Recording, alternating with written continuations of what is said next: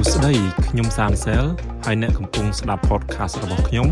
So Random ជាធម្មតាខ្ញុំចូលចិត្តស្ដាប់ច្រើនជាងនិយាយតែពេលនេះខ្ញុំចង់នាំអ្នកមកស្ដាប់ពិភពរបស់ខ្ញុំអំពីគំនិតរាយប៉ាយនានាដែលកើតឡើងបន្ទាប់ពីការសមាធិរបស់ខ្ញុំខ្ញុំសង្ឃឹមថាអ្នកនឹងចាប់អារម្មណ៍ឬមួយក៏អាចយល់ថាមានប្រយោជន៍សួស្តីអ្នកទាំងអស់គ្នាខ្ញុំសង្ឃឹមថាអ្នកទាំងអស់គ្នាសុខសប្បាយនាសប្តាហ៍កន្លងទៅនេះ ហើយសូមអរគុណដែលបានបើកស្ដាប់កម្មវិធី So Random នៅថ្ងៃនេះខ្ញុំចង់ទៅចែកអំពីសេចក្តីស្រឡាញ់កាលពីអាទិត្យមុនខ្ញុំបានឃើញវីដេអូមួយដែលគេចែកចាយបន្តគ្នាវីដេអូហ្នឹងគឺបង្ហាញអំពីស្ត្រីម្នាក់ប្រហែលជាគាត់មានសតិមិននឹងណឬក៏យើងហៅថាវិកលចរិតហ្នឹងហើយគាត់បានកាន់កំបិត គំរាមចាក់អ្នកដែលកំពុងតែឈរមើលគាត់ចឹងណាហើយទឹកមុខគាត់មើលទៅចង់យំសង្កេះសង្កោចផងក្រោយមកក៏មានបរិសម្នាក់ពេលឯកសន្តានជាអញ្ញាធរជាប៉ូលីសទាហានហ្នឹងមកនិយាយលួងលោមគាត់ហើយខ្ញុំមិនអាចស្ដាប់យល់បានទេថាគាត់និយាយជាពាក្យអីគេខ្លះឲ្យពិតប្រាកដ ក៏ប៉ុន្តែនៅពេលដែលបរោះនឹងនិយាយបានមួយសទុះមកស្ត្រីនឹងក៏គាត់រៀងទុនចិត្តហើយគាត់តម្លាក់កំបិតចុះបន្ទាប់មកបរោះនឹងក៏គាត់យកស្ត្រីនឹងឡើងលើឡានហើយក៏ចេញទៅ នៅក្នុង caption ដែលគេ share តគ្នានឹងភាគច្រើនគេនិយាយថាឈួតហើយនៅតែចាញ់បោកប្រុស ដែលគេនិយាយបែបលេងសើចចំអកអញ្ចឹងណាក៏ប៉ុន្តែវាបានធ្វើឲ្យខ្ញុំភ្នោកគិតទៅដល់អតិពលនៃសេចក្តីស្រឡាញ់មនុស្សយើងទោះបីស្ថិតនៅក្នុងស្ថានភាពណាក៏ដោយដោយស្ត្រីម្នាក់ដែលគាត់វិកលចរិតហ្នឹងនៅពេលដែលគាត់ ទទួលអារម្មណ៍ថាមានគេយកចិត្តទុកដាក់មានគេស្រឡាញ់មានគេឲ្យតម្លៃគាត់គាត់ហាក់មានទទួលបានអារម្មណ៍នឹងហើយវាដូចជាឆ្នាំទឹកម្យ៉ាងមកបន្ទន់ចិត្តគាត់ឲ្យគាត់គិតអ្វីដែលល្អទម្លាក់អាវុធទម្លាក់កបិតចុះហើយចិត្តគាត់គឺទុនមួយរំពេចនៅពេលដែលគាត់ដឹងថាគាត់មានអារម្មណ៍ថាគាត់ទទួលបានសេចក្តីស្រឡាញ់ហ្នឹង ខ្ញុំគិតថាសេចក្តីស្រឡាញ់នៅក្នុងករណីហ្នឹងគឺអាចបន្សាបនៅហិង្សា អាចបន្សាបនៅភាពខូខើហើយចំណុចមួយទៀតដែលធ្វើឲ្យខ្ញុំនឹកគិតនៅពេលដែលបានមើលវីដេអូបានមើលការ share ការសរសេរ caption បែបសើចលក់លើយទៅដល់ស្ត្រីនឹងហើយខ្ញុំក៏ចាប់ផ្ដើមសម័យមើលអំពីស្ថានភាពរបស់ស្ត្រីនឹង តើអាចទេថាស្ត្រីនឹងគឺគាត់ត្រូវបានបដិសេធដោយសេចក្តីស្រឡាញ់គាត់មិនអាចទទួលបានសេចក្តីស្រឡាញ់ដែលគាត់ពងគាត់ខ្វះភាពកក់ក្ដៅគាត់ខ្វះការយកចិត្តទុកដាក់គាត់ខ្វះការយល់អំពីគាត់ដោយមនុស្សនៅជុំវិញគាត់នឹងឬក៏មនុស្សណាពិសេសម្នាក់ចំពោះគាត់នឹងដែលធ្វើឲ្យគាត់គិតរហូតដល់តែគាត់នឹងបាត់បង់សតិលែងគ្រប់គ្រងខ្លួនឯងបាន ហើយនៅពេលដែលមានមនុស្សមកបង្ហាញសេចក្តីស្រឡាញ់ដែលគាត់តែងតែចង់បាននឹងគាត់ហាក់ដូចជាទទួលបាននៅការប្រោះនៅការប្រទៀនពោនៅការស្រោចស្រង់នៅការសម្រេចក្តីសម័យរបស់គាត់ទទួលអារម្មណ៍ថា មានអ្នកស្រឡាញ់គាត់ មានអ្នកចង់បានគាត់ ហើយនេះខ្ញុំគិតថា វាមិនមែនជាករណីពិសេសខ្លាំងខ្លាណានោះទេ វាមាននៅក្នុងសារជាតិរបស់មនុស្សយើងថាតើនរណាម្នាក់ដែលមិនចង់បាននៅសេចក្តីស្រឡាញ់ថាតើនរណាម្នាក់ដែលមិនចង់បាននៅការទទួលយកពីមនុស្សជុំវិញខ្លួនជាពិសេសពីមនុស្សដែលខ្លួនឯងប្រាថ្នានឹងចុះបើយើង ម្នាក់ម្នាក់បើកចិត្តឲ្យរៀងទូលាយបន្តិចជាងមុន ហើយយើងផ្ដើមគិតអំពីមនុស្សដែលនៅជុំវិញខ្លួន ថាម្នាក់ម្នាក់គឺមកពីស្ថានភាពផ្សេងផ្សេងគ្នាមកពីបរិស្ថានផ្សេងផ្សេងគ្នាមកពីគ្រួសារផ្សេងផ្សេងគ្នាបើសិនបើអ្នកខ្លះគាត់មានសំណាងគាត់រស់នៅក្នុងគ្រួសាររស់នៅក្នុងមជ្ឈដ្ឋាន ដែលតែងតែផ្ដល់នូវសេចក្តីស្រឡាញ់តែតែងតែផ្ដល់នូវការយកចិត្តទុកដាក់យោគយល់មើលថែគ្នាទៅវិញទៅមកជាអកុសល មានអ្នកមួយចំនួនគឺគាត់មិនអាចធំធាត់មិនអាចទទួលបាននៅសេចក្តីស្រឡាញ់ពីមនុស្សជុំវិញខ្លួនពីគ្រួសាររបស់គាត់ទេអញ្ចឹងហើយ វាអាចធ្វើឲ្យគាត់តែងតែប្រាថ្នាតែងតែចង់បាន នៅសេចក្តីស្រឡាញ់ពីមនុស្សជុំវិញខ្លួននឹងចំណុចដែលខ្ញុំលើកឡើងអំពីសេចក្តីស្រឡាញ់នេះមិនមែនត្រឹមតែសេចក្តីស្រឡាញ់ជាស្នេហាជា romantic ទេប៉ុន្តែជាសេចក្តីស្រឡាញ់ជាសកល ការស្រឡាញ់ការយកចិត្តទុកដាក់ ការផ្ដល់តម្លៃឲ្យគ្នាការគោរពគ្នាទៅវិញទៅមកក្នុងនាមជាមនុស្សដូច្នេះហើយប៉ះសិនបើយើងជួបប្រទះឬក៏យើងជួបនរណាម្នាក់បើសិនជាយើងព្យាយាមបើកចិត្តព្យាយាមរាប់អាន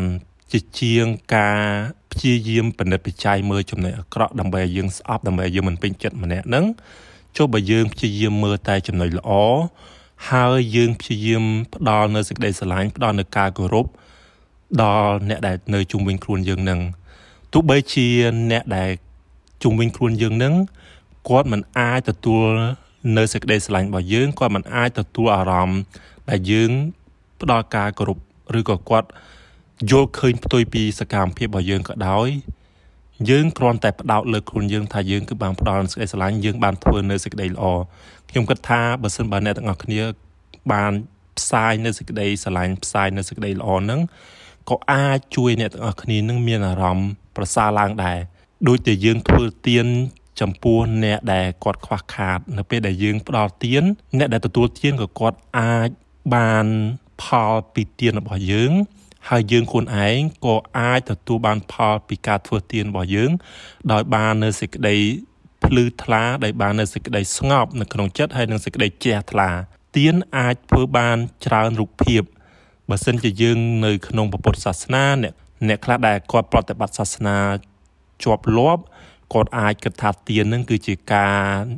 ទៅវត្តការប្រគេនតយទានការធ្វើបុណ្យជាមួយព្រះសង្ឃឬក៏ការធ្វើពិធីបុណ្យនានាដើម្បីឧទ្ទិសកុសលដល់ជីដូនជីតាឬក៏សាច់ញាតិរបស់គាត់តាមផ្លូវព្រះពុទ្ធសាសនា ចំណែកដែលអ្នកដែលមិនសូវ ខ្វាយខ្វល់អំពីរឿងសាសនាក៏គិតថាទាននឹងគឺអាចផ្ដល់ឲ្យតាមរយៈការជួយជាចំណីអាហារការស្វែងយល់ការចំណាយពេលជាមួយនឹងមនុស្សដែលកំពុងតែត្រូវការនៅសេចក្តីស្រឡាញ់នៅទាននឹងហើយទានដែលយើងអាចធ្វើបានដោយអត់ចាំបាច់ចំណាយនឹងគឺយើងគ្រាន់តែបើកចិត្តគោរពស្រឡាញ់ផ្ដល់តម្លៃឲ្យគ្នាទៅវិញទៅមកក្នុងនាមជាមនុស្សជាតិ មិនថាគាត់នឹងក្មេងជាងយើង ចាស់ជាងយើង មានចំណេះដឹងទាបឬក៏ខ្ពង់ខ្ពស់ជាងយើង មានធនធានតិចឬក៏ច្រើនជាងយើង គឺយើងត្រឹមតែដឹងថា យើងទាំងអស់គ្នាគឺមានឋានៈស្មើគ្នាក្នុងនាមជាមនុស្សជាតិមួយ យើងផ្ដល់ទាននៅសេចក្តីស្រឡាញ់យើងគោរពគ្នាទៅវិញទៅមកនៅពេលនឹងហើយខ្ញុំគិតថាអំពើហិង្សាការរើសអើងនានា អាចនឹងត្រូវបានកាត់បន្ថយដោយយើងមិនចាំបាច់ប្រឹងប្រែងធ្វើអ្វីខ្លាំងក្លាគ្រាន់តែយើង ផ្សាយនៅសេចក្តីស្រឡាញ់ផ្សាយនៅការគោរពស្រឡាញ់ចំពោះមនុស្សជុំវិញខ្លួនយើងទោះបីជាយ៉ាងណាក៏ដោយ ការផ្សាយនៅសេចក្តីស្រឡាញ់នឹងក៏យើងត្រូវតែប្រុងប្រយ័ត្នខ្លះដែរ